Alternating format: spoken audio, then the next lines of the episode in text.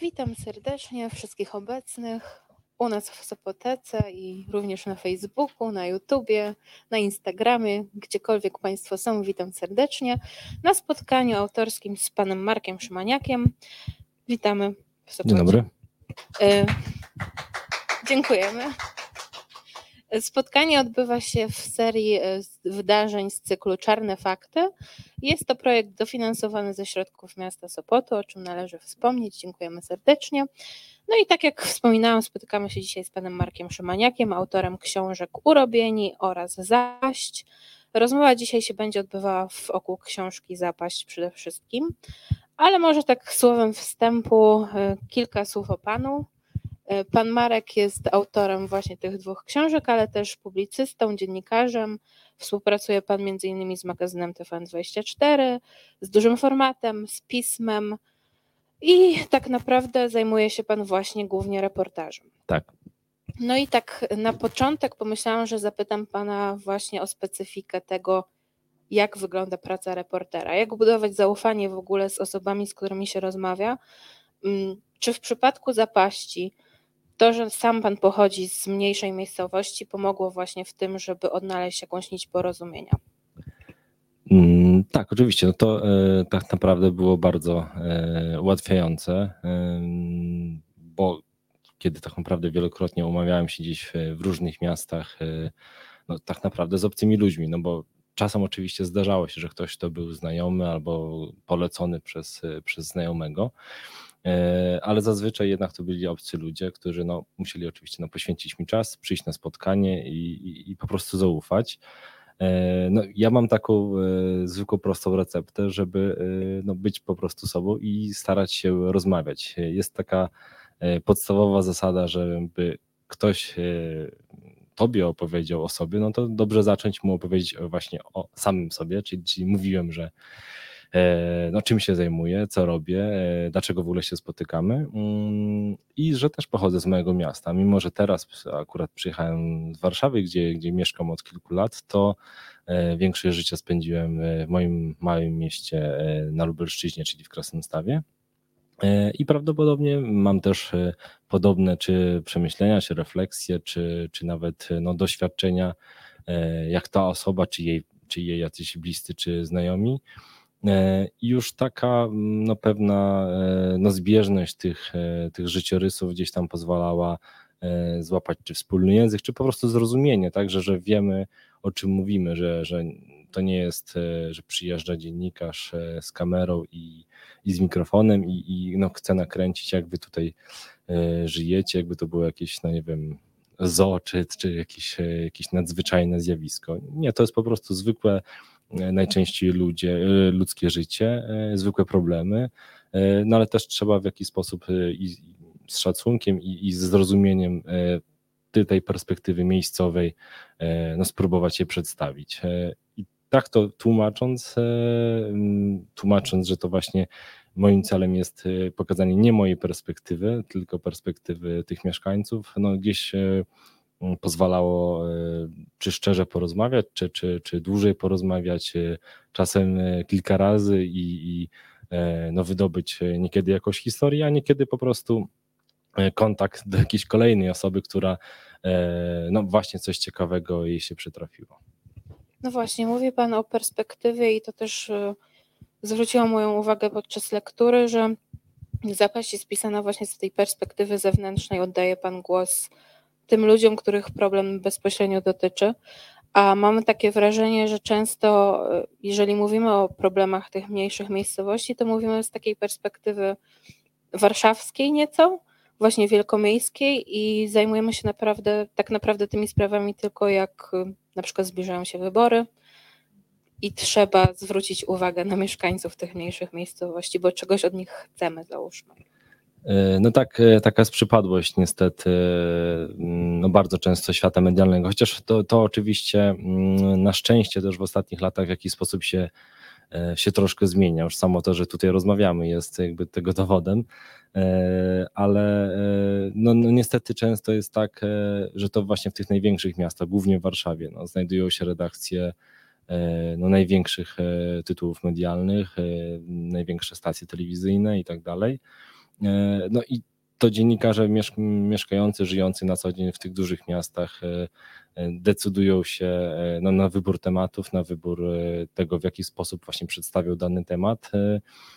I jest tak, jak pani mówi, że, że, że zbliżają się wybory, albo po tych wyborach bardzo często no, ciężko niektórym zrozumieć nie wiem, decyzję tak, tego czy innego regionu, i wtedy jest próba zrozumienia wyjazd teren i próba zrozumienia, dlaczego ktoś gdzieś głosuje taki czy w inny sposób, czy po prostu podejmuje takie, a nie inne życiowe decyzje.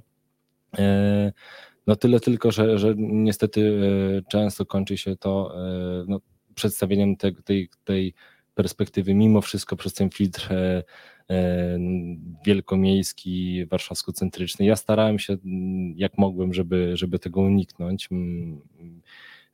Myślę, że, że się to po części na pewno udało, no bo jednak się dość mocno pilnowałem. E, I, i no, bo od początku też zakładałem sobie, że to nie będzie moje spojrzenie, to co już troszeczkę wspomniałem, że to będzie spojrzenie e, no, tych lokalnych mieszkańców z tych różnych miast, e, z tego prostego względu, że sam też pochodząc e, z tego miasta, nie chciałbym, żeby no, dochodziło do takiej sytuacji, że przyjeżdża wiem, jakiś dziennikarz i on swojej perspektywy, nie rozmawiając z nikim, opisuje dane miejsce, że to na przykład jest jakieś, nie wiem, E, odpada farba, tutaj się e, walają śmieci, a tutaj ktoś pijany leży na ławce. I no, można by pewnie też w ten sposób napisać, e, odwiedzając jakieś, jakieś miejsce, no ale to na pewno nie będzie bliższe prawdy, kiedy znaczy bliższe prawdy będzie na pewno wtedy, kiedy jednak oddamy głos tym, którzy no, żyją tam na co dzień dłużej, tak? Nie, nie jeden dzień, nie, nie tydzień. Zresztą jakby na swoją drogę też kiedyś ktoś mnie zapytał, czy nie miałem takiego mm, pokusy, żeby, żeby w tych miastach e, zapaści po prostu no, wcieleniowo się e, zamieszkać i potem opisać. I oczywiście pokusa była, no bo te miasta niektóre są bardzo, bardzo piękne. Niemniej e, też należałoby sobie postawić pytanie, jak długo w takim mieście mieszkać? Czy, czy nie wiem, wystarczy miesiąc, czy, czy trzeba dłużej? A jeżeli dłużej, jeżeli tych miast jest ponad setka, to ile by to trwało? Więc już samo to e, mm, jakby skłaniało do tego, żeby jednak lepiej e, pojechać, ale cierpliwie po prostu słuchać e, tego, co mają do powiedzenia no, osoby tam na miejscu żyjące i zmagające się z tymi problemami, które ja opisuję. No właśnie, problemami, które Pan opisuje, a tych problemów jest bardzo, bardzo wiele. I tak naprawdę to, co mnie zaskoczyło osobiście, to to, że w tych mniejszych miejscowościach to, co nam się wydaje podstawą w większych miastach, załóżmy dostęp do lekarza, dostęp do edukacji, nie wiem, nawet samoczyste powietrze, załóżmy, y, to tam jest problem. I problem, z którym ci ludzie muszą sobie na co dzień radzić.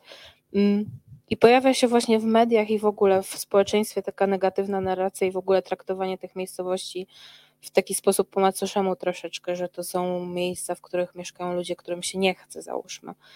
A to nieprawda, bo tak jak pan pisze, te miejsca często wiążą się z tym, że codzienne życie to jest po prostu walka o przetrwanie, właśnie walka o zapewnienie sobie tych podstawowych rzeczy potrzebnych do życia i taki survival.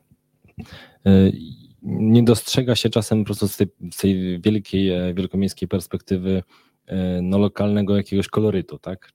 Kiedy, kiedy mówimy, że e, no przecież można na przykład, no nie wiem, zmienić pracę, to w takim Kętrzynie na przykład, tak? Czy, czy jakimiś innych Bartoszycach, gdzie przez lata bezrobocie było 20-30% albo więcej, to powiedzenie komuś, że zmień pracę, to jest jakieś no, życzeniowe myślenie tak naprawdę, bo tej tam pracy nie ma prawie, no, bezrobocie jest tak ogromne, przez lata było, że e, złapanie jakiejkolwiek pracy już było dużym sukcesem, a, a co mówić o wybrzydzaniu, więc e, e, no właśnie to jest ten poziom pewnych no pewnej, jakby to powiedzieć, no jakości tego, tak, jakiego mamy życia, czy jak w dużym, w dużym mieście pewnie to bezrobocie jest dużo, dużo niższe, więc łatwiej nam, kiedy nam ta praca nie odpowiada, jednak ją zmienić, poszukać czegoś innego, E, a w mniejszym mieście no jest, jest po prostu trudniej. Tak jak e, Pani wspomniała o tym survivalu, to są słowa jednego właśnie z, z bohaterów, e, zdaje się z Kętrzyna, jak dobrze właśnie pamiętam. I on z taką niesprawiedliwą oceną no, się gdzieś tam mierzył przez lata, bo on został jako nauczyciel, a potem już pracował w innym zawodzie w tym mieście i też nawet próbował w jakiś sposób je oddolnie zmienić, ale no niestety zderzał się z tą rzeczywistością i także na, także na rynku pracy, gdzie no, jak mówił, że, że, że kiedy po kolei zamykano różne zakłady pracy, to, to alternatywą nie była zmiana pracy na inną, na innego pracodawcę, tylko no, albo, albo bezrobocie, albo zajęcie się czymś nielegalnym, czyli przemytem, albo wyjazd całkowity z miasta, więc te wybory tak naprawdę mm, często są mm, tylko pozorne, że, że, że tych wyborów jest tak dużo, a tak naprawdę pole jest dość ograniczone, a jednocześnie jest no, skrajne, no bo, bo, bo, bo wyjazd no, na przykład na emigrację do innego kraju to jest zupełne odwrócenie swojego życia no, jakby do góry nogami. I no, mówienie też, że to też jest łatwe, no też jest tak naprawdę no, zaprzeczeniem tego, no bo, no bo jak można mówić komuś, że, że to jest łatwe, kiedy no, pozostawia się całe swoje życie, miejsce, gdzie się przyszło na świat, wszystkich znajomych, rodzinę, e, nawet jakiś drobny majątek, czy, czy nawet niedrobny, który mamy e, i nagle startując, startując, przepraszam, w ogóle od zera, musimy gdzieś tam e, zaczynać od nowa. I e, to też jest no jakby no bardzo, bardzo trudne, e, no bo Kolejna kwestia, czy znajomość jakaś języka, czy jakieś w ogóle sieć kontaktów za granicą, jeżeli jakąkolwiek mamy.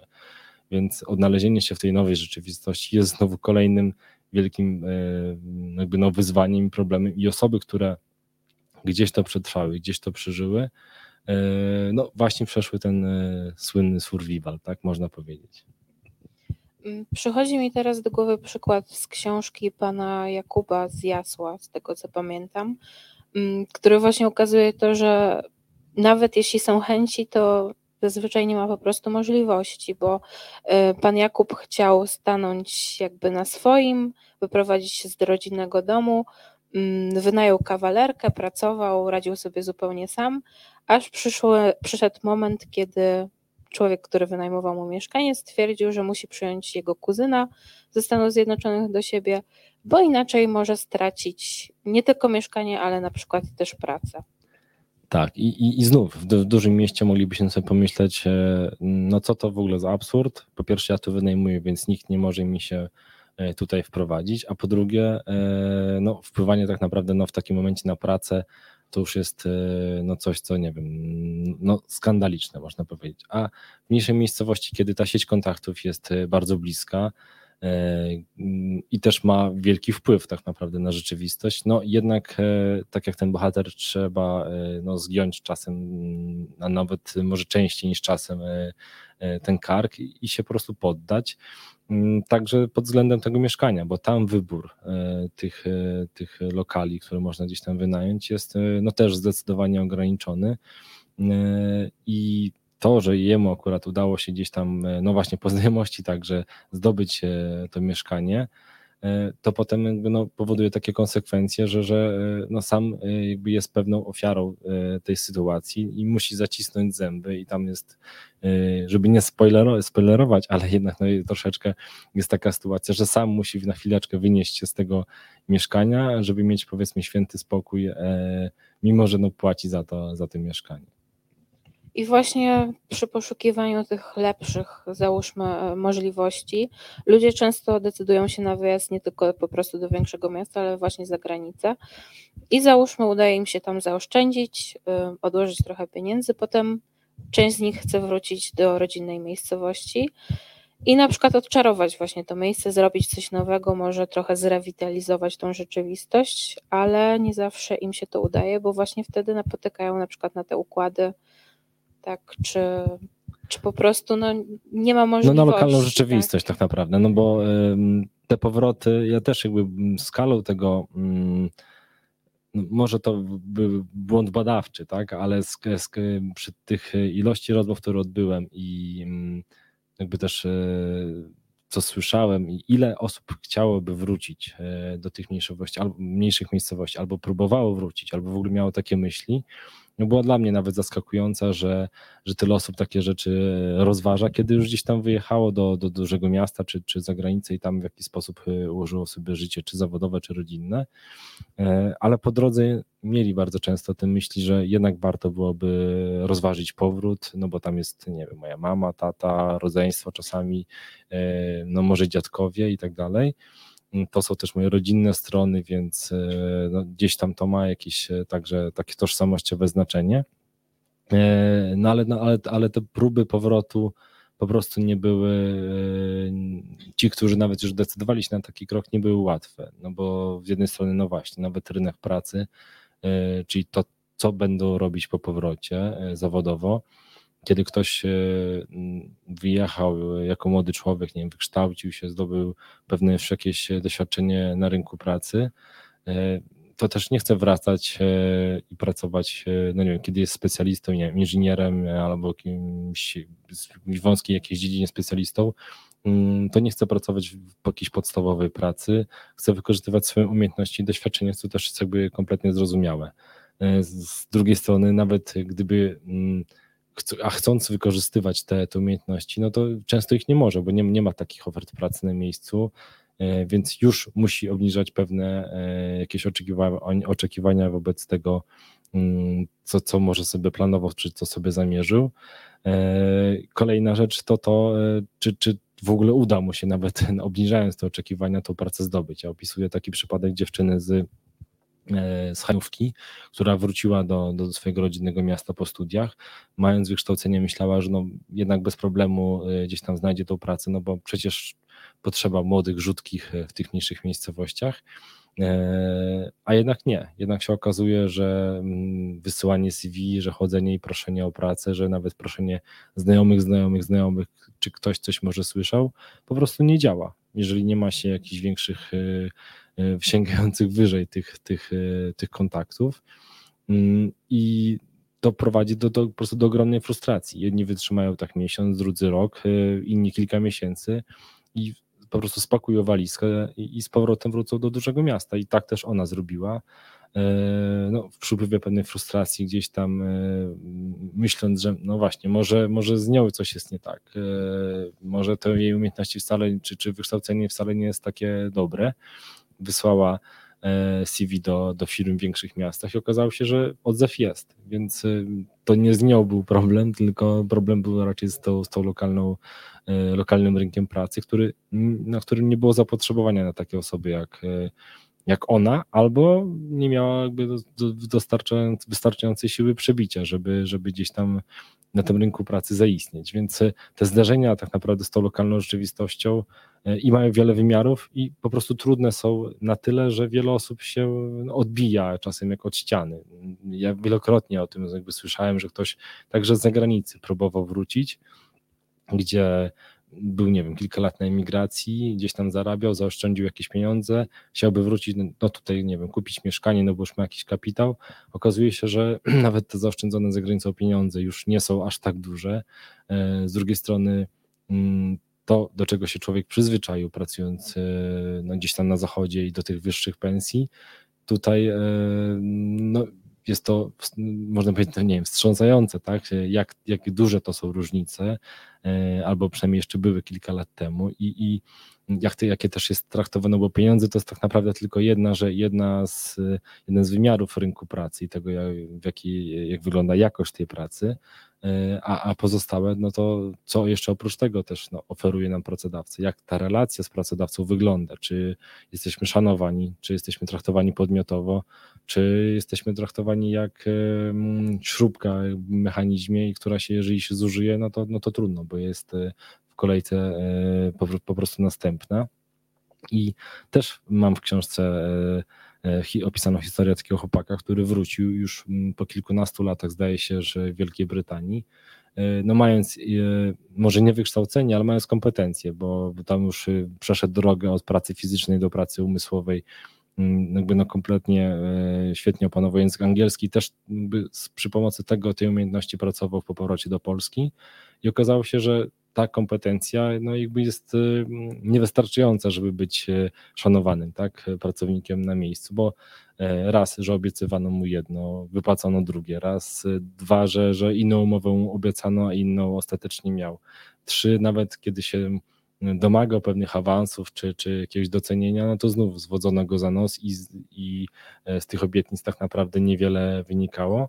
E, więc on sami też opowiadał, że mm, myślał, że ten powrót po prostu będzie, wiedział, że będzie niełatwy, ale nie, nie sądził, że będzie aż tak trudny, że to zdarzenie jest aż tak trudne. I on mówi, że już nie pamiętam dokładnie ile miał lat, ale około 40 na pewno się zbliżył. Mi, że on już by chciał wreszcie gdzieś osiąść, ale jest mu strasznie po prostu trudno i mm, w tej rzeczywistości się osadzić. I, i no jakby miał pewne takie obawy, że yy, no nie wytrzyma jakby no w tym miejscu i znowu wyjedzie. I całe życie będzie się yy, w jakiś sposób tak no kołysał między, między tą zagranicą a, a, a jakby no swoimi rodzinnymi stronami, do których go bardzo, bardzo mocno ciągnęło. I to też jakby no pokazuje kontrast, to od czego zaczęliśmy, tych między dużymi miastami a, a, a mniejszymi, no bo jedna rzecz to są te, te pensje, a drugie czy trzecie już teraz e, możliwości choćby rozwoju, tak? I znów wrócę do tej, do tej dziewczyny z Hajnówki, bo ona też marzyła o tym, żeby dalej się rozwijać i e, żeby skończyć jakieś studia podyplomowe, które też tam kosztowały e, jak na jej możliwości sporo pieniędzy. I znowu w wielkim mieście, w dużym mieście pracodawca od razu i zaproponował, e, że jeżeli tam u niego trochę popracuje i skończy te studia, to on za te studia z jednej strony zapłaci, a z drugiej e, no po prostu daje podwyżkę, bo, bo pozyskała nowe kompetencje. I on mówi, że to jest rzeczywistość mm, no właściwie bardzo często nie do pomyślenia, tak? E, w mniejszym mieście. Zresztą już kończąc, bo się, bo się rozgadałem, bo rynek pracy to jest mój ulubiony wątek, ale ale mm, sam ostatnio robiłem jako dziennikarz e, taki wywiad o e, czterodniowym tygodniu pracy i, i o tym, jak Polacy bardzo dużo pracują. I jeden z takich ekspertów powiedział mi, że my tutaj w Warszawie rozmawiamy o czterotygodniowym, czterodniowym tygodniu pracy, tak? A, a, w, a w mniejszych miastach trzeba w ogóle najpierw e, opanować pięciodniowy, no bo tam bardzo często się pracuje jeszcze w soboty, więc e, no jakby te rzeczywistości e, pod wieloma względami są no zupełnie, zupełnie różne. No właśnie, i tutaj też zazębia się temat urobionych i, i zapaści, bo w urobionych pisze Pan o tym, jak często wyzyskiwani są w Polsce pracownicy właśnie takiego, nazwijmy to brzydko, najniższego szczebla, na przykład pracownicy fizyczni, e, jak są wykorzystywani, spotykają się z przemocą, nie tylko psychiczną, ale nawet fizyczną, i to jest po prostu przerażające. No, tak, tak niestety przez lata było i tak w wielu miejscach niestety ciągle jeszcze jest. No, urobieni już mają jak dobrze liczę, zaraz będzie ta miała książka 4 lata, więc e, już trochę minęło, troszkę się pozmieniało, ale nie wszystko, więc e, część tej książki niestety ciągle jeszcze jest bardzo, bardzo aktualna. No, zmieniło się na przykład, nawet będę szukał plusów, zmieniło się to, że, mm, że jest minimalna stawka godzinowa, więc już nie, nie będzie E, mam nadzieję nigdy tego, że, że wrócą stawki rzędu, nie wiem, 5 zł za godzinę, tak? E, I do jakich patologii to e, prowadziło, to, to opisuję w książce tej pierwszej.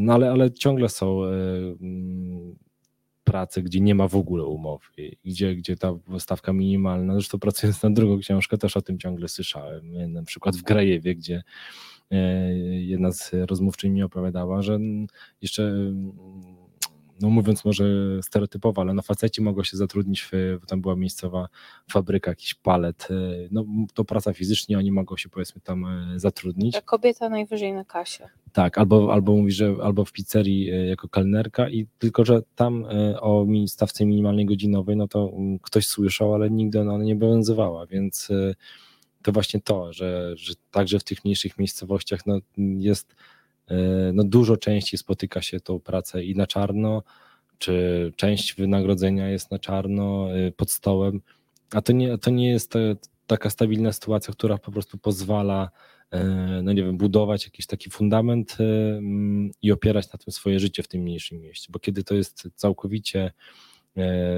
no, rynek pracy dla mnie też no, po prostu tak mi wychodzi z tych, z tych rozmów z, z, z, tymi osobami, jest jakimś takim fundamentem, bez którego w ogóle ciężko budować plany na życie w tym mieście. I kiedy on jest takim grząskim gruntem, no to ciężko nawet, nie wiem, myśleć o tym, żeby tam zostać na stałe kiedy no nie mamy umowy na przykład wcale, albo nam szef przedłuża śmieciówkę co, co miesiąc, y, a część wypłaty daje pod stołem i co jeżeli nie da w następnym miesiącu, a pewnie tak się już y, nieraz y, gdzieś tam zdarzało. Zresztą nawet nie ma tej historii w książce, chłopak taki z Grajewa mi opowiadał, jak sam pracował na, na jakiejś takiej budowie i, i on był taki no, tęższy, można powiedzieć, pewnie z 20 kilo ode mnie jeszcze cięższy.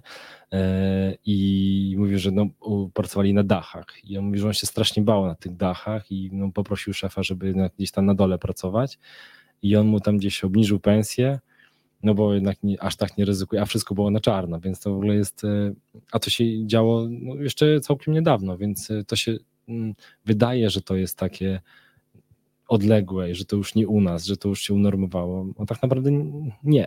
To ciągle jest e, i wystarczy czasem odjechać od, e, od dużego miasta 50 kilometrów i, e, i, i, czy, czy 100 kilometrów i zobaczyć, jakie są ogłoszenia o pracę, o ile w ogóle są, albo co po prostu pracodawcy oferują. No i właśnie dlatego ci młodzi ludzie wtedy wyjeżdżają do większego miasta, czy też za granicę, szukając jakiejś dla siebie przyszłości, czy też perspektyw na przyszłość. No i trochę tak jest, że to jest taki zaklęty krąg, prawda, bo ludzie wyjeżdżają, więc nie ma kto pracować, załóżmy w, w mniejszej miejscowości, nie ma kto jej trzymać przy życiu, mm, jest coraz gorzej, a potem jak wracają, okazuje się, że właśnie nie ma tych perspektyw, więc wyjeżdżają znowu. Czy spotkał się Pan z jakimiś pozytywnymi przykładami? Miejscowości, gdzie udało się jednak y, tą małą miasteczkowość, tak to nazwijmy, odczarować i, i zamienić w pozytyw?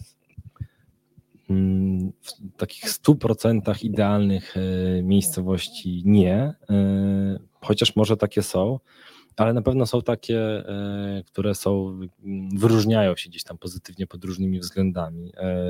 Chrzanów jest na pewno taką miejscowością, która mm, akurat w książce jej nie opisuję, ale no jakby sporo i o niej e, e, czytałem już po publikacji książki i też taką bardzo ciekawą rozmowę z burmistrzem tej, tej miejscowości czy, czy prezydentem słuchałem i no, jest po prostu pomysł na to miasto, na to, żeby je w jakiś sposób pozytywny zmieniać, chociażby taki, że buduje się właśnie tanie mieszkania blisko E, dworca, bo to miasto się też znajduje między dużymi miastami, więc e, nikt się nie czaruje, że tam nagle e, przeniosą się biurowce i będzie jakaś praca masowa tak, dla, dla wykształconych osób, tylko raczej zakłada się, że skoro ktoś może mieszkać E, nie wiem, na obrzeżach Krakowa czy, czy Katowic i dojeżdżać do pracy pół godziny, no to może też pół godziny dojeżdżać z, z tej miejscowości. I to jest jakiś taki pewien pomysł e, na to, żeby, żeby te osoby mm, no nie wyjeżdżały na stałe, tylko żeby na przykład y, jeszcze przy okazji pracy zdalnej to też oczywiście jest pewna możliwość, e, żeby one żyły na miejscu, a, a czasem tylko na przykład nie wiem, raz w tygodniu czy raz y, kilka razy w miesiącu jeździły do tej pracy. A nawet jeżeli będą dojeżdżać codziennie, to dojazd pół godziny e, dobrym transportem publicznym, czy kolejką, czy no tak naprawdę no w którym mieście wszyscy myślę doskonale e, wiedzą, jak to świetnie funkcjonuje, więc e, to, to chociażby jest jakby jakiś taki pozytywny przykład. Pod różnymi aspektami trzeba tak naprawdę pozytywnych aspektów szukać. Mm, pod względem mieszkaniowym, no na przykład ja opisuję w książce e, przypadek Bielawy, tak, gdzie spółdzielnia mieszkaniowa, które spółdzielnie kojarzą nam się raczej z jakby to powiedzieć, żeby nikogo nie obrazić, no ale po prostu z taką zaszłością, tak, że, że, że to są jakiś element poprzedniego ustroju, gdzie raczej ci urzędnicy siedzą, popijają kawę, administrują tymi starymi budynkami, które no gdzieś tam są i, i, e, i odliczają dni do, do emerytury. Mm, a jednak się okazuje, że są e, ludzie w tych spółdzielniach, którzy już nie tylko administrują tym majątkiem, który tam jest, tymi budynkami, ale mają świetne pomysły, e, właściwie pionierskie, tak, na, na to, żeby tą spółdzielczość rozwijać, żeby rozwijać ofertę tej spółdzielni, żeby tworzyć e, ofertę dla mieszkańców, których także no nie stać na to, żeby kupić nie wiem, z rynku pierwotnego. Zresztą nawiasem mówiąc, jak mało się buduje, to jest inny temat, więc ciężko to zaspokoić. A z drugiej strony, no, jakby no, dając ofertę dla tych, którzy, którzy gdzieś tam w tą, tą lukę czynszową, czyli taką no, powiedzmy statystycznie miejsce, gdzie, gdzie nie stać ich na kredyt, a, a też nie mają gotówki i żeby, żeby samemu kupić, a z drugiej strony, że ta pomoc socjalna ich w jakiś sposób nie obejmuje.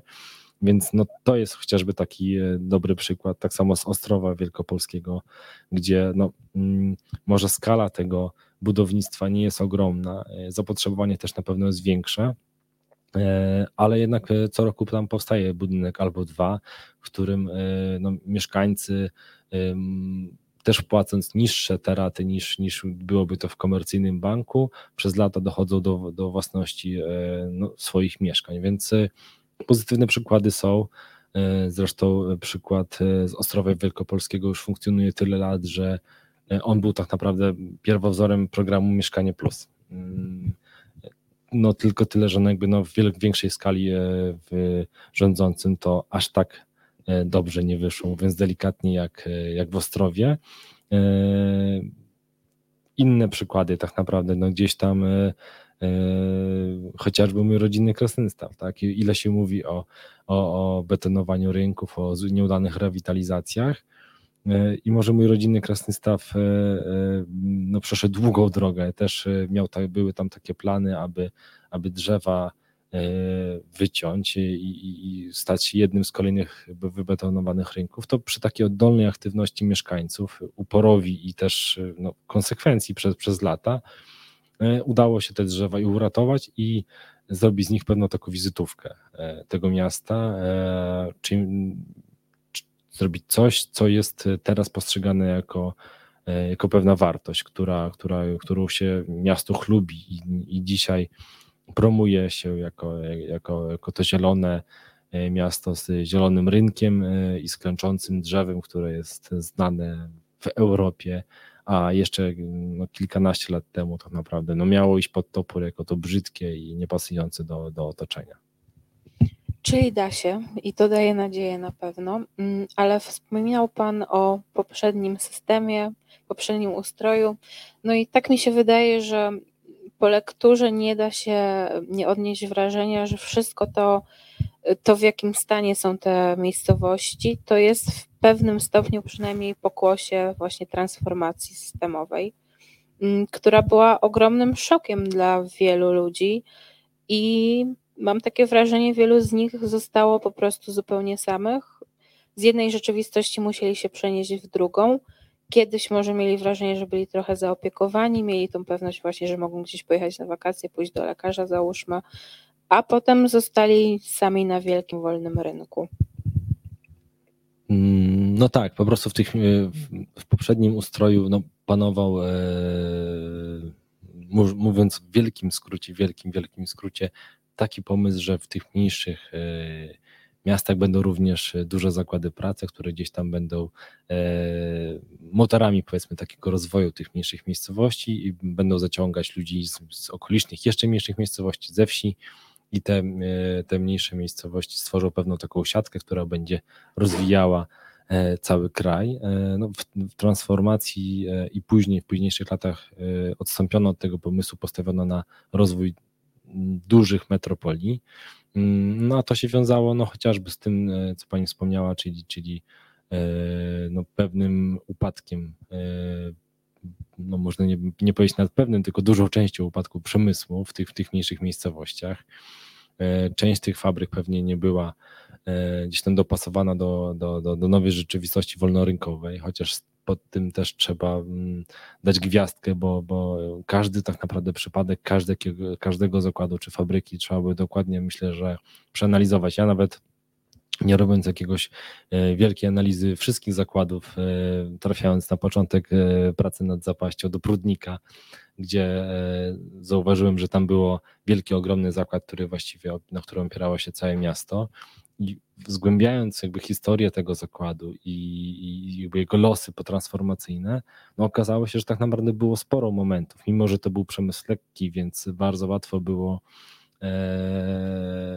no, nie było to po prostu utrzymanie go na powierzchni, nie było łatwe, to no było wiele momentów takich, że, że, że to można, mogło się udać, ale, ale decyzje czy rządzących centralnie, czy gdzieś tam na miejscu powodowały, że głównie centralnie powodowały, że E, że tym, tej, tej fabryce, która no wychodziła gdzieś tam na prosto po latach transformacji, doczepiano pewną jakąś kulę u nogi albo, albo no, w jakiś sposób utrudniano to naprawdę wyjście na prosto.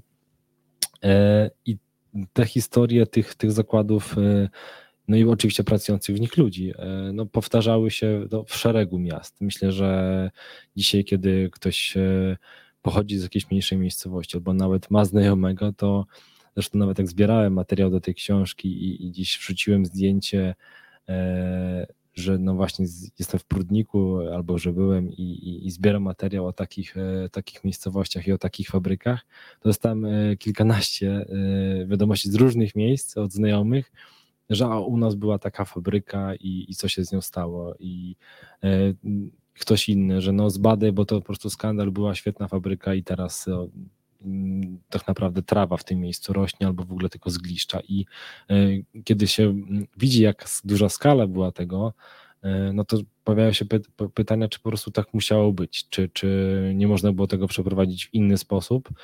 E, no i najważniejsze, co z tymi ludźmi? Czy, czy nie można było w jakiś sposób się nimi bardziej zaopiekować? Czy jednak to stawianie na ten wolny rynek, o którym Pani powiedziała, to było jedyne i najlepsze wyjście?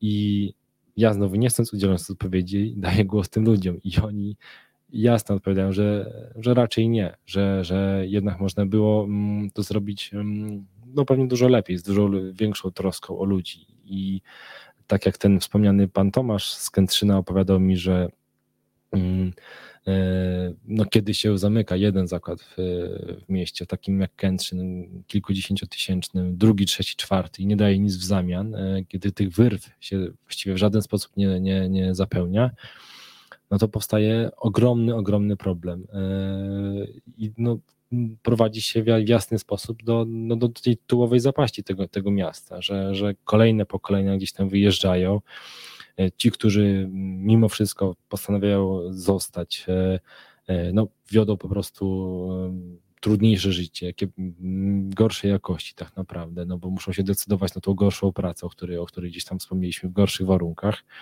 albo na pracę zupełnie nielegalną. I, no i to wszystko prowadzi do tego, że te miejscowości no, krok po kroku gdzieś tam podupadają.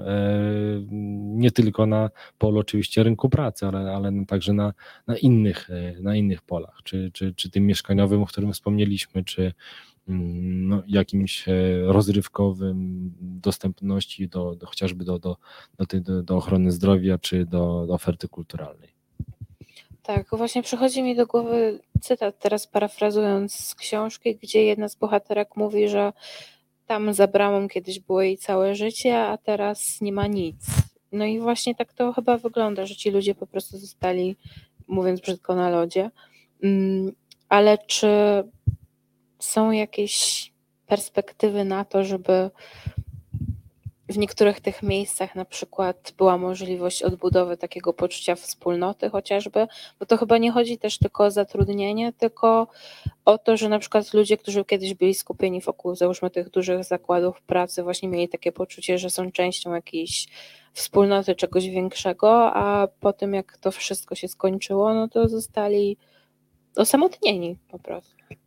Mm, no tak, bo, to, bo ta nowa rzeczywistość jakby no, pewien sposób mm, wskazywało na to, że, że teraz nie ta wspólnota, ale ta e, indywidualna siła w każdym z nas jest jakby no ważniejsza.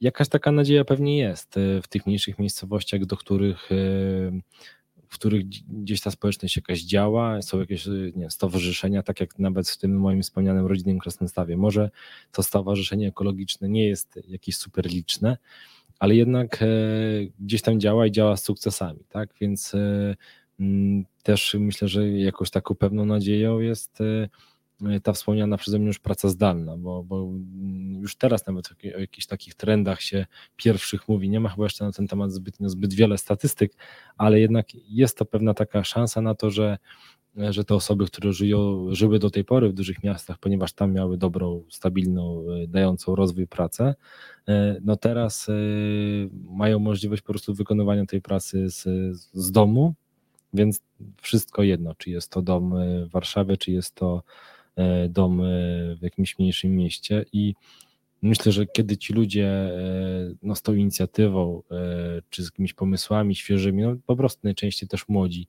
e, czy w ogóle w pełni życia, w pełni wieku zaczną wracać, czyli zaczną tam na miejscu działać, to, to, to ta wspólnota gdzieś tam się będzie odbudowywać, ale ona no nie, bo ciężko mówić ogółem, ale, ale w niektórych miejscach ona, ona jest. Ja zresztą nawet już po publikacji książki też dostawałem takie czy wiadomości, czy jakieś maile, że e, no halo, halo, tu jesteśmy z Bielawy, jaka zapaść, my tu świetnie działamy i tak dalej.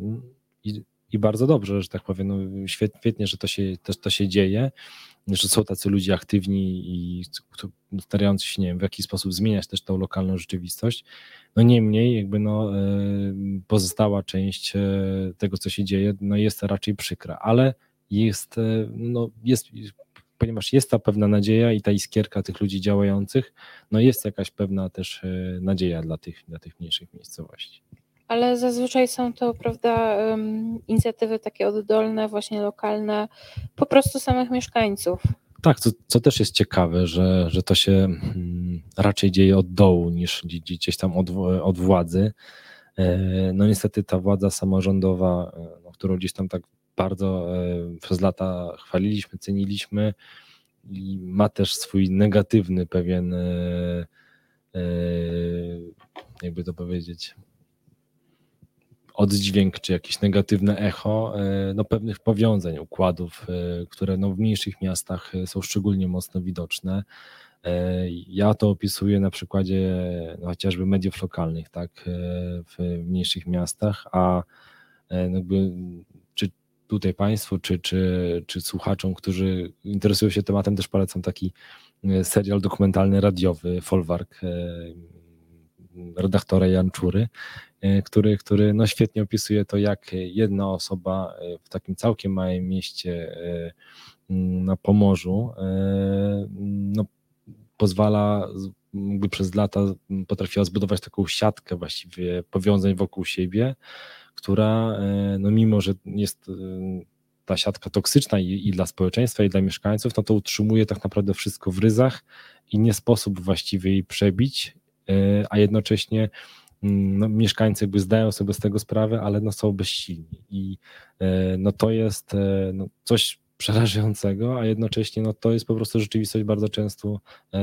wielu miast, że nawet kiedy jesteśmy aktywni, próbujemy działać, to w pewnym momencie mm, no, napotykamy na przeszkody. W Grajewie też miałem takiego rozmówcę, który też nie ma tej historii w książce, ale często ją przytaczam, bo e, no bo właśnie to fajnie to obrazuje, że, że był, był chłopak, który mm, też ostatecznie wyniósł się z Grajewa i wyjechał do Wielkiej Brytanii, ale zanim to nastąpiło, e, próbował zorganizować tam festiwal e, muzyczny, hip-hopowy, jak dobrze pamiętam. I zorganizował go raz e, za swoje pieniądze, za drugim razem dostał jakieś takie drobne dofinansowanie z, e, właśnie z, e, od władz miasta, no ale nadal na tyle małe, że, że musiał dołożyć ze swojej kieszeni. Za trzecim razem znowu i miał takie wrażenie, że to mm, znowu, za trzecim razem znowu dołożył, żeby było jasne, ale miał wrażenie, że to jest takie podtrzymywanie kroplówki, że, że niby tutaj jest wsparcie miasta, ale tak naprawdę nie na tyle, żeby to mogło w pełni mm, rozkwit, rozkwitnąć. E, e, I on tak naprawdę mówił, że to prawdopodobnie jest efekt tego, że e, żeby władze miasta mogły powiedzieć, że o tutaj wspierają oddolną inicjatywę, a z drugiej strony, żeby ci inicjatorzy nie mogli się zbytnio wybić, żeby nie mogli stać się konkurencją w pewnym momencie dla tej władzy, żeby nie było tak, że ten chłopak, który nie miał żadnych aspiracji politycznych, stając się gdzieś tam popularny, e, nie, nie okazało się, że nagle on o, zostanie radnym. A skoro został radny, no to za 4 lata zaraz będzie może nie tylko radnym, ale będzie miał większe jeszcze aspiracje. Zresztą sam niedawno taką rozmowę odbyłem e, nie będę mówił gdzie, ale też w takim małym mieście dwudziestoparotysięcznym na Pomorzu, mm, no bo teraz pracuję nad takim projektem, już mówiąc, muszę powiedzieć dwa zdania o też o takich pozytywnych właśnie postaciach w mniejszych miastach. I on opowiadał, że bardzo dużo działo i w pewnym momencie przyszła do niego e, no, propozycja, żeby właśnie startował e, na radnego, mimo że on nie miał w ogóle żadnych aspiracji, mówię, zgodził się tylko właściwie, mówiąc kolokwialnie, na odczepnego, żeby nie go wpiszą na tę listę, żeby nie mieć wrogów w tym mieście. Wpisali go, nie dostał się, jakby powiedzmy pozamiatane i powiedział, że okej, okay, ale jednocześnie jakby no to pokazuje, że musi uczestniczyć w pewnej grze, E, żeby nie mieć, żeby nie mieć wrogów, a jednocześnie no, jeżeli działa, no to zaraz ktoś go dostrzeże, żeby ten jego potencjał i popularność wykorzystać. Tylko tyle, że gdyby się na przykład dostał już do tej Rady Miasta, to mógłby już naprawdę mieć wrogów. I wtedy e, no jakby ta pomoc, która zazwyczaj do niego przychodziła, e, ponieważ jest bezpartyjny, no mogłaby się po prostu skończyć. Więc no, te układy pewnych znajomości w tych mniejszych, on mi zresztą sam powiedział, że mimo że jest nieznaczącą murweczką w tym, tym wszystkim, poznał jakby smak e, takiej lokalnej polityki. Mówię, że to jest, e, mówiąc krótko, straszne, że, że, że, że w takim małym mieście też e, się takie rzeczy odbywają no, bardzo trudne, że ktoś nagle o coś go posądza, albo oskarża, albo nie wiem, fabrykuje jakieś wpisy gdzieś na Facebooku i, i przekonuje ludzi, że to jest drugi profil tej osoby. I, i to są takie no, ciemne strony polityki, o których się myśli, że no tak, to gdzieś się dzieje pewnie w dużych miastach, e, w wielkiej polityce, ale nie. W tej mniejszej jest to też e, niestety widoczne. I chyba też e, znacznie bardziej niebezpieczne jest znacznie większym zagrożeniem, no bo wszyscy się tam znają, prawda? Więc jeżeli ktoś jakby tak, no. nie chce się wpisywać do tych układów, no to zostaje wykluczony po prostu. Wszyscy się znają, a z drugiej strony nie ma tej kontroli której publicznej, która jest no, w dużych miastach, czy po prostu w wielkiej polityce, bo to wielką politykę jednak e, no, niezależne media gdzieś tam śledzą, mogą nagłaśniać pewne afery, czy jakieś złe postępowania tych, tych polityków, a lokalnych, znaczy polityków w ogóle, a tych lokalnych E, często nie ma kto opisać. Oczywiście są e, chlubne jeszcze gdzieś tam e, wyjątki redakcji działających lokalnie i które są gdzieś tam niezależne całkowicie, ale niestety no bardzo często wygląda to tak, że, że te lokalne media są w jakiś sposób mniejszy lub większy lub zupełnie zależne od, od no nie wiem, burmistrza, wójta i tak dalej. Mm, I nawet ta wspomniana przeze mnie historia w tym serialu dokumentalnym radiowym e, Folwark właśnie jest taką historią, że, że wszyscy e, w mieście wiedzą, a musiał przyjechać dziennikarz e, Michał Janczura i to opisać z Warszawy. To jest jakby niesamowite, że to się dzieje tam od, od lat i, i, i wszyscy o tym wiedzą, a nie było komu tego, tego nagłośnić. Mm, więc tej kontroli tak naprawdę lokalnej brakuje.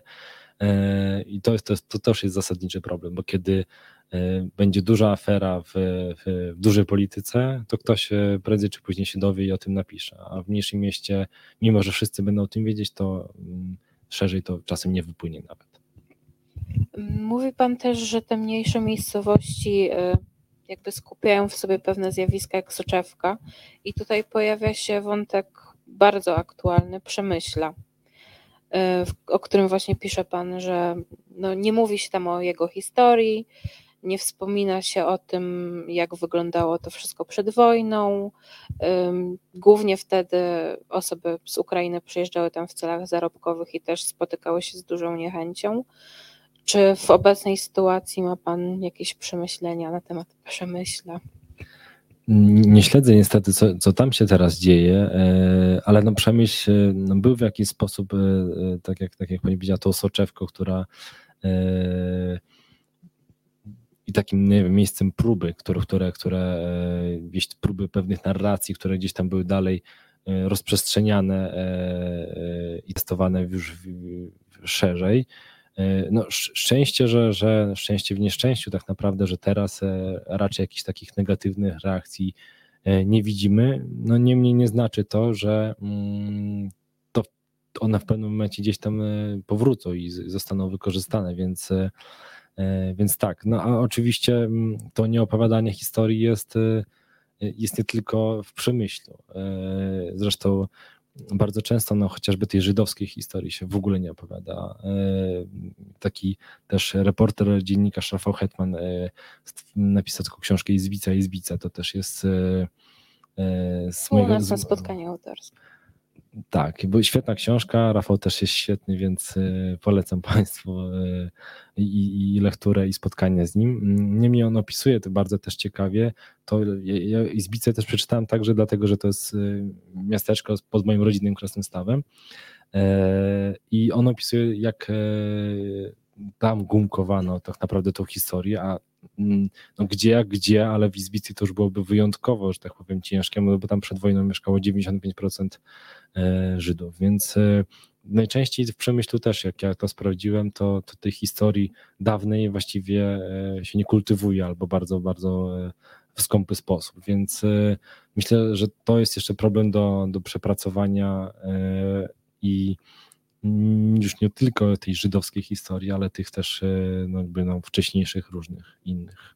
Nawet w tych miastach e, tak naprawdę po niemieckich. Jak, pamiętam, jak przyjechałem pierwszy raz do, do Prudnika, to się e, dziwiłem, że tam na niektórych kamienicach jeszcze są e, te po niemieckie jakieś napisy, e, a tak naprawdę no, niewiele o tym się mówi, czy w szkołach, czy, czy, czy, czy na miejscu, jak, jaka jest historia tych chociażby budynków. Tak.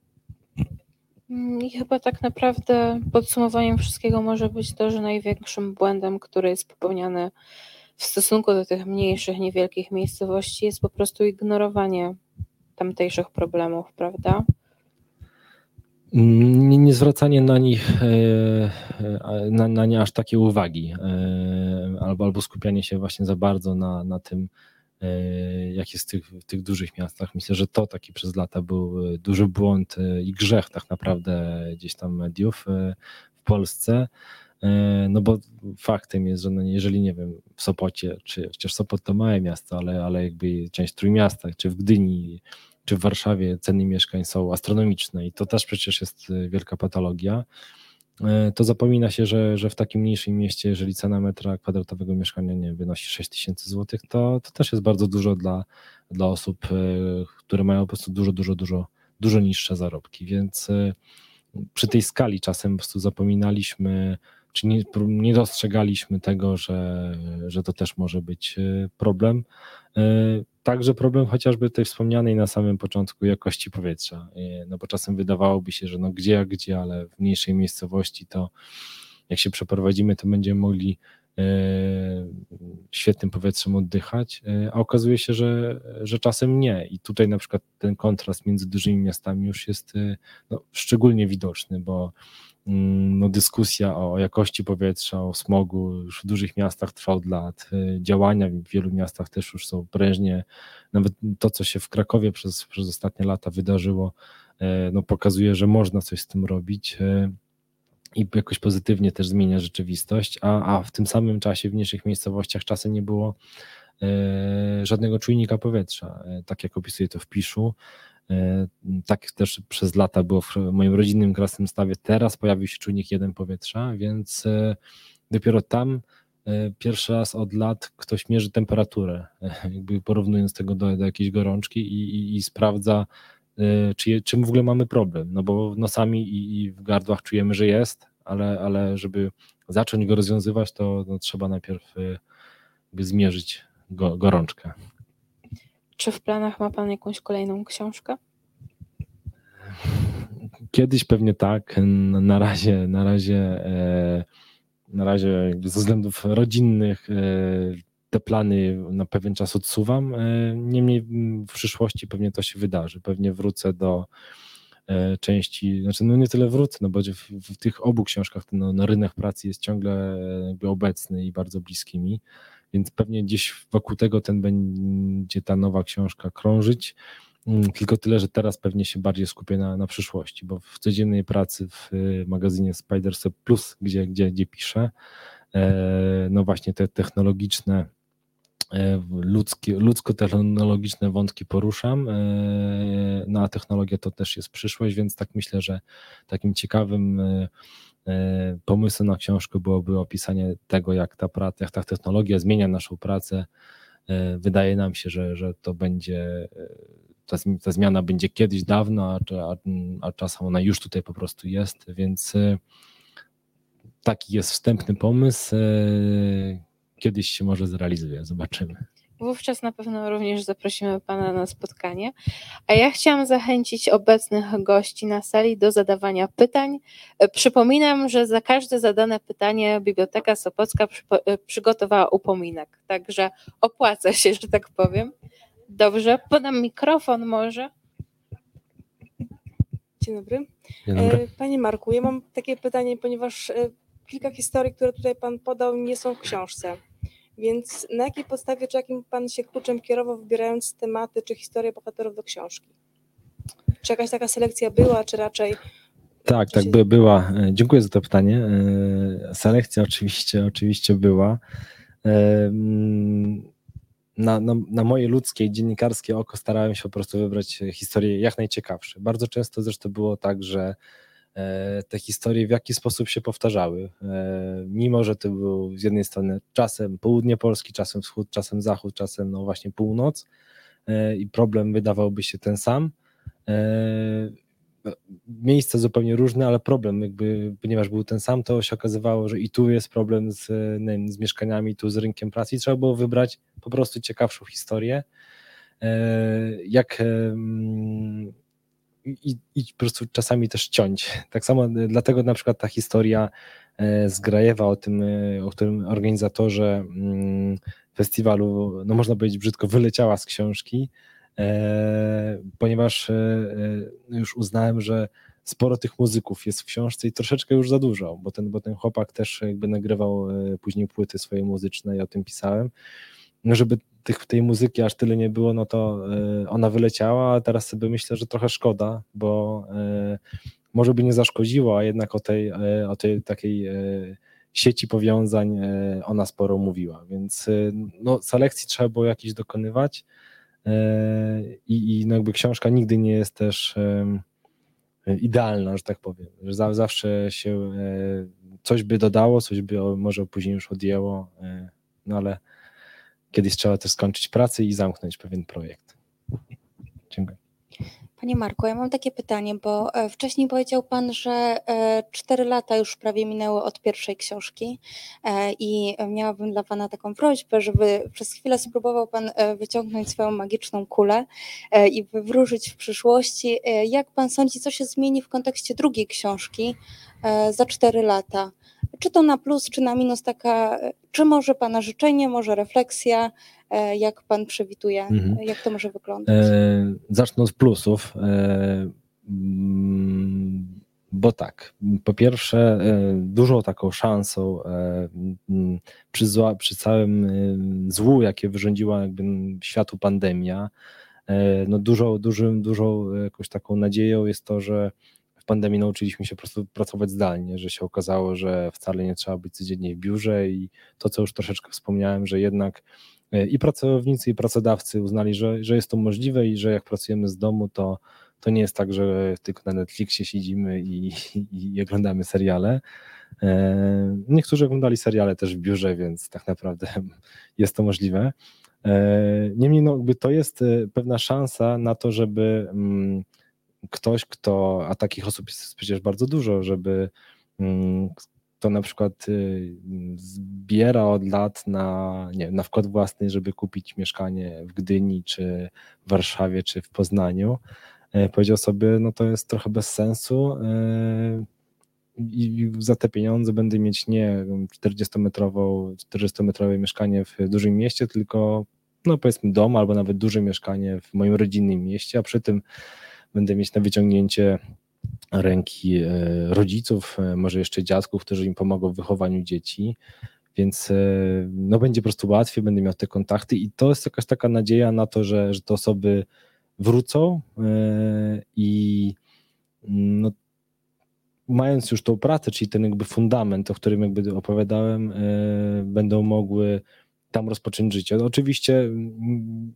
to jest, czasem jest tylko pierwszy krok, bo muszą mieć co jeszcze tam robić, e, jak spędzać czas, bo też osoby, które jakby no, spędziły e, jakiś kawałek swojego życia w dużym mieście, mogą bardzo szybko z tą ścianą społeczno-rozrywkową się zderzyć i, i powiedzieć, że no świetnie, mam pracę zdalną, mam blisko rodziców, no ale co w tym mieście robić?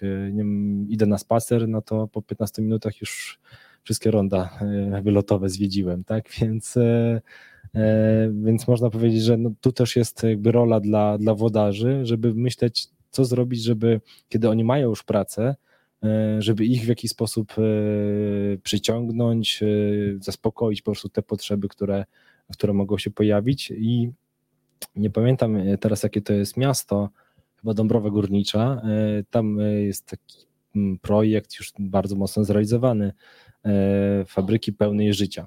Tam duża część centrum miasta była taka pofabryczna, poprzemysłowa i to przez lata odbudowywano, odrestaurowano i nie ma tam teraz oczywiście fabryki, tylko jest e, w tych takich ładnych przestrzeniach odrestaurowanych e, i to jest przykład udanej rewitalizacji, no takie miałe miejsce rozrywkowo i bary, i kino, i jakieś siłownie i tak dalej. Wszystkie możliwe pewnie, jakie można sobie wyobrazić aktywności tam się odbywają. E, I nie wiem, jak e, wygląda sytuacja mieszkaniowa, czy inna w, w, w tym mieście, ale pod względem rozrywkowym domyślam się, że byłoby w tym miejscu przynajmniej co robić. Tak to, jak to kiedyś o tym czytałem i słuchałem, wyglądało. Więc to jest, e, odpowiadając plus. Minusem niestety e, i taką negatywną prognozą, przynajmniej na ten moment, wydaje się e, dostęp do e, systemu ochrony zdrowia, bo od tego, co ja opisywałem w tej książce, właściwie tylko się pogarsza wszystko. Kolejne oddziały są zamykane, kolejne no, szpitale co czasem całe są zamykane i nawet jak obok mojego rodzinnego miasta jest Zamość i to jest przecież duże 70-tysięczne miasto i tam kilka miesięcy temu zamknięto oddział dziecięcy i w okolicy właściwie nie ma, bo nie ma e, w Krasnostawie, nie ma, nie, w Krasnostawie jest, ale jakiś taki malutki, że tam na kilkanaście osób. E, I, i, I, trzeba z dzieckiem jechać kilkadziesiąt kilometrów do Lublina prawdopodobnie, więc i to będzie postępować niestety, bo z tym się niewiele robi. Mm, I to może być taki problem, że nawet jeżeli jesteśmy tym rodzicem, który ma pracę zdalną, ma dziadków do opieki i tak dalej, i jak ci dziecko zachoruje i, i trzeba będzie e, z, no z takim bobasem, powiedzmy 40-stopniową gorączką jechać e, półtorej godziny do lekarza, no to ktoś może powiedzieć nie. A szczególnie jak to dziecko, nie wiem, regularnie choruje, a małe dzieci dużo chorują, więc e, no to jest na pewno pewna jakaś taka wizja, która mm, no jest dużym znakiem zapytania e, z jednej strony dla osób młodych, które mogłyby gdzieś tam napędzać te miasta, a z drugiej dla e, osób starszych, których przecież w tych miastach e, będzie coraz więcej, a, jakby dostęp do, dla nich do opieki zdrowotnej jest, no jest już teraz fatalny, a pewnie będzie, będzie jeszcze gorzej, więc no, prognozy takie słodko-gorzkie. To właśnie jeszcze to by było moje drugie pytanie. Jak pan myśli, jak e, te e, miasta ukształtuje to, co się dzieje demograficznie e, w najbliższych latach? No właśnie, też o tym myślałem i też mm, o tą ukraińską migrację już byłem pytany jeszcze przed wybuchem wojny. Czy, czy tej luki nie, zasyp, nie zasypią, mówiąc kolokwialnie, no, przybysze? E, no i niestety nie zasypiał, ponieważ no, e, już wcześniej tak było, że Ukraińcy głównie ciągnęli do dużych miast, bo tam jest po prostu praca i no, lepsze zarobki. Mm, I teraz też chyba widziałem wczoraj, czy przedwczoraj takie statystyki, gdzie e, no te osoby, które teraz w związku z wybuchem wojny na Ukra w Ukrainie mm, przyjechały do Polski, to też są głównie no, największe miasta, E, więc e, nie wydaje się, że to będzie w jakiś sposób, no pewnie jakiś odsetek, tak, ale jednak no, główny, główny nurt, główny e, no, tego strumienia gdzieś tam trafi do, znowu do największych miast, więc mm, no to też będzie pewnie problem tych mniejszych miejscowości. Szczególnie to na przykład widać na, na wschodzie, jak, jak zobaczyłem, a już wiem, co to była za mapa. To była mapa, gdzie trafiły dzieci no ale wiadomo, jak są dzieci, to są też ich matki, czy, czy w ogóle, no nie wiem, rodziny. Więc pierwszym takim mocnym, ciemnym punktem na mapie była Warszawa, więc widać, że od na wschód to raczej one tam się nie osadzają, tylko raczej od Warszawa i jeszcze dalej. Mam jeszcze jedno pytanie. Proszę. Czy spotkał się Pan z jakimś takim hejtem, a być może nawet z groźbami od strony, nie wiem, mieszkańców tych takich mniejszych miejscowości, bo w sumie y, problemy są opisywane takie dosyć, no, no nie są to różowe, fajne, fajne, miłe rzeczy, którymi się chcemy chwalić na zewnątrz, więc pytanie, czy, czy padły jakieś takie, nie wiem, czy maile, czy jakieś pogróżki, czy, czy inne sytuacje niebezpieczne? Niebezpiecznych sytuacji nie było, ale miałem takich no, moja to praca tak naprawdę jest dość łagodna, ja tylko przyjeżdżam porozmawiać z ludźmi. E, niemniej e, by trzeba powiedzieć to, że szukając rozmówców do książki, bardzo, bardzo, bardzo dużo się ogłaszałem w różnych miejscach, tłumacząc, że po prostu powstaje taki to reportaż w związku z tym, że jest takie badanie, które mówi, że no państwa miasta, miasto jest niestety w no, kiepskiej kondycji według tutaj naukowców ja zbieram różne historie, głosy, czy tak jest, czy tak nie jest. I to bardzo często wywołało, wywoływało pewną dyskusję mm, no w mediach społecznościowych. I bywało, że y, te osoby tak dość gorliwie broniły y, swoich miast, tłumacząc, że no, nieprawda, że jest świetnie super się żyje. Też bardzo często to się, jak potem się okazywało, byli na przykład lokalni jacyś politycy, więc e, myślę, że to mogło mieć wiele wspólnego jedno z drugim, ale bywały też e, no, takie głosy po prostu gdzieś tam zażartych, jakichś takich e, no, lokalnych patriotów, którzy no, no może w jakiś sposób ta ich uczucie do tego lokalnego miasta gdzieś tam mm, mm, pozwalało akceptować po prostu te, te problemy, ale to nie ja ich często sprowadzałem na ziemię, tylko inni, e, inni mieszkańcy mówili, że no jak nie ma problemów, jak jest problem z tym, problem z tamtym, e, nie ma pracy, a do lekarza trzeba jechać 100 kilometrów, e, a zresztą nie ma czym, bo nie ma autobusu. I no, jakby no widząc jakby to, sama ta dyskusja czasem jakby dostarczała ciekawych rozmówców, raz, e, już nie pamiętam gdzie, ale gdzieś e, to były w armii albo, albo no w każdym razie te okolice, mm, jak się ogłaszałem, to ktoś mi tam napisał, no przyjeżdżaj reporterku, to ci pokażemy i tak dalej, ale przyjechałem i nic się nie stało, więc, więc myślę, że to były takie tylko typowo facebookowe groźby, znaczy groźby, no obietnice. Ja zresztą napisałem tej osoby, no bo taki głos też byłby e, w jakiś sposób cenny, no bo też no chciałbym, żeby ktoś mi przekonał, do tego, że w tym mieście jest y, dobrze. Zresztą też każdego mojego rozmówcę prosiłem o to, żeby mi pokazał dobre strony tego miasta albo jego ulubione miejsce i y, ludzie, ludzie naprawdę zabierali mnie w różne miejsca. Czasem to były, nie wiem, jakaś wieża widokowa pod miastem, czasem jakiś murek po prostu, a czasem zgliszcza fabryki. Więc e, różnie to było, ale e, najczęściej no, te opowieści, nawet pokazanie tego, że jest dobrze e, w półcieniu, mm, czy historia, czy, czy no, jednak ten zgrzyt gdzieś tam czasem występował. Jeszcze jedno ostatnie już, jeśli mogę. Mamy dwie książki. Nie wiem, czy jest tyle nagród. Podzielę się. Mamy dwie książki, które y, są takim jakby zbiorem bardzo wielu trudnych i ciekawych historii. I mam pytanie do Pana. Która z tych historii, z tych dwóch książek y, była dla Pana najbardziej jakaś taka wstrząsająca? Być może y, wywołała jakąś taką największą, nie wiem, emocję albo, albo coś innego z, z Pana serduszkiem zrobiła? Mm, z pierwszej książki na pewno historia mm, pani e, Żeni z Ukrainy. Mm, teraz jak o tym myślę, to mam ciągle ciarę, minęło już tyle lat, a jeszcze więcej od wykazania się książki, a, a, a tyle lat od tej naszej rozmowy, kiedy no, no naprawdę było bardzo, bardzo ciężko słuchać o tym wszystkim, e, co ta pani przeszła e, i też jak sobie z tym teraz dalej radzi. A z tej drugiej książki to historia z Bielawy.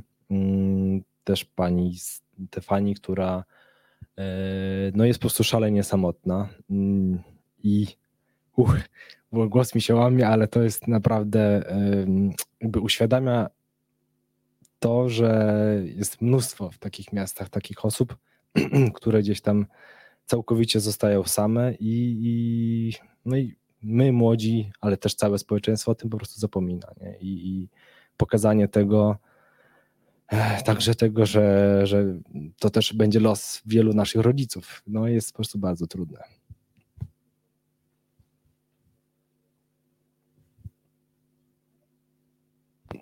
A propos Facebooka, mamy też jeszcze jedno pytanie z Facebooka.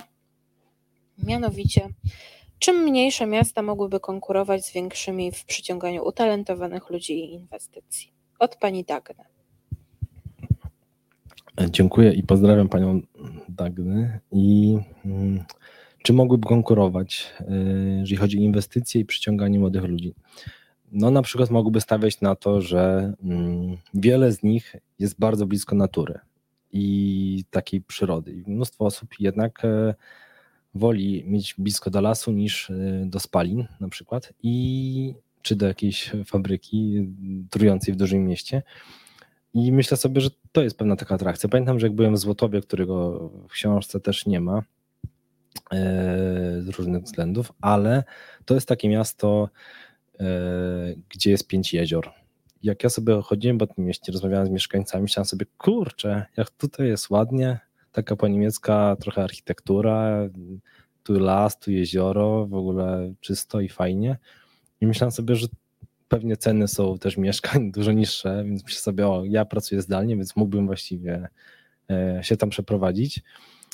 Mm, no tylko rzeczywiście, no rodzinę mam kilkaset kilometrów dalej, więc to pewnie to byłoby trudne, ale e, dla osób, które są z tych okolic albo są z, ze Złotowa, a jednak wyprowadziły się, nie wiem, do Poznania albo gdzieś, gdzieś w te okolice, no to taki Złotów może wydawać się atrakcyjny, szczególnie, że no praca i coraz częściej e, i wiele więcej osób to rozumie, to nie jest jakby całe życie, że po pracy fajnie móc sobie nie wiem, pojechać na rower, E, i nie jechać e, no nie wiem, Wisłostradą między samochodami. Tak?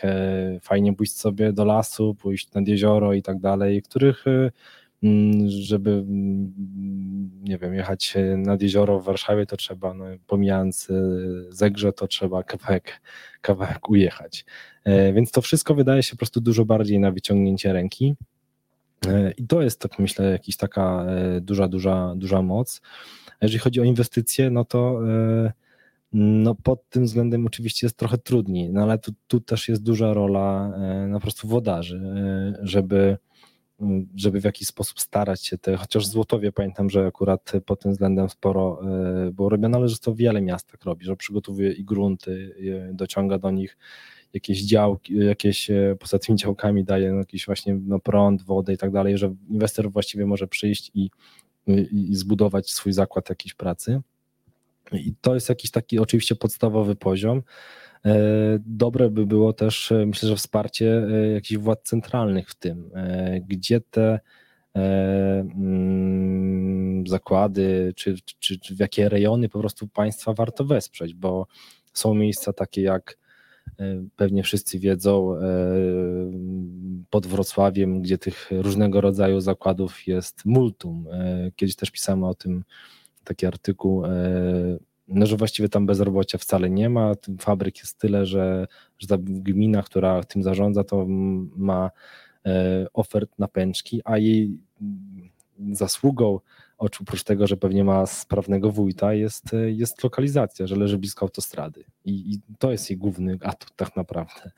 Więc e, gdyby mm, czy ta sieć połączeń, czy kolejowych, czy, czy, czy, czy mm, no nie wiem, drogowych była lepsza, to, to może te mniejsze miasta też mogłyby e, łatwiej e, takie inwestycje przyciągnąć. To jest jedna rzecz. A dwa, że te, które mają takie świetne lokalizacje, to już powinny nie tyle E, cieszyć się, że mają inwestora, tylko po prostu stawiać tym inwestorom bardzo mocne warunki e, dotyczące jakości tej pracy, żeby to nie była właśnie praca e, na śmieciówkach za najniższą krajową i, i świetnie, że mamy inwestora, tylko żeby ten inwestor musiał się postarać, żeby zaoferować coś więcej.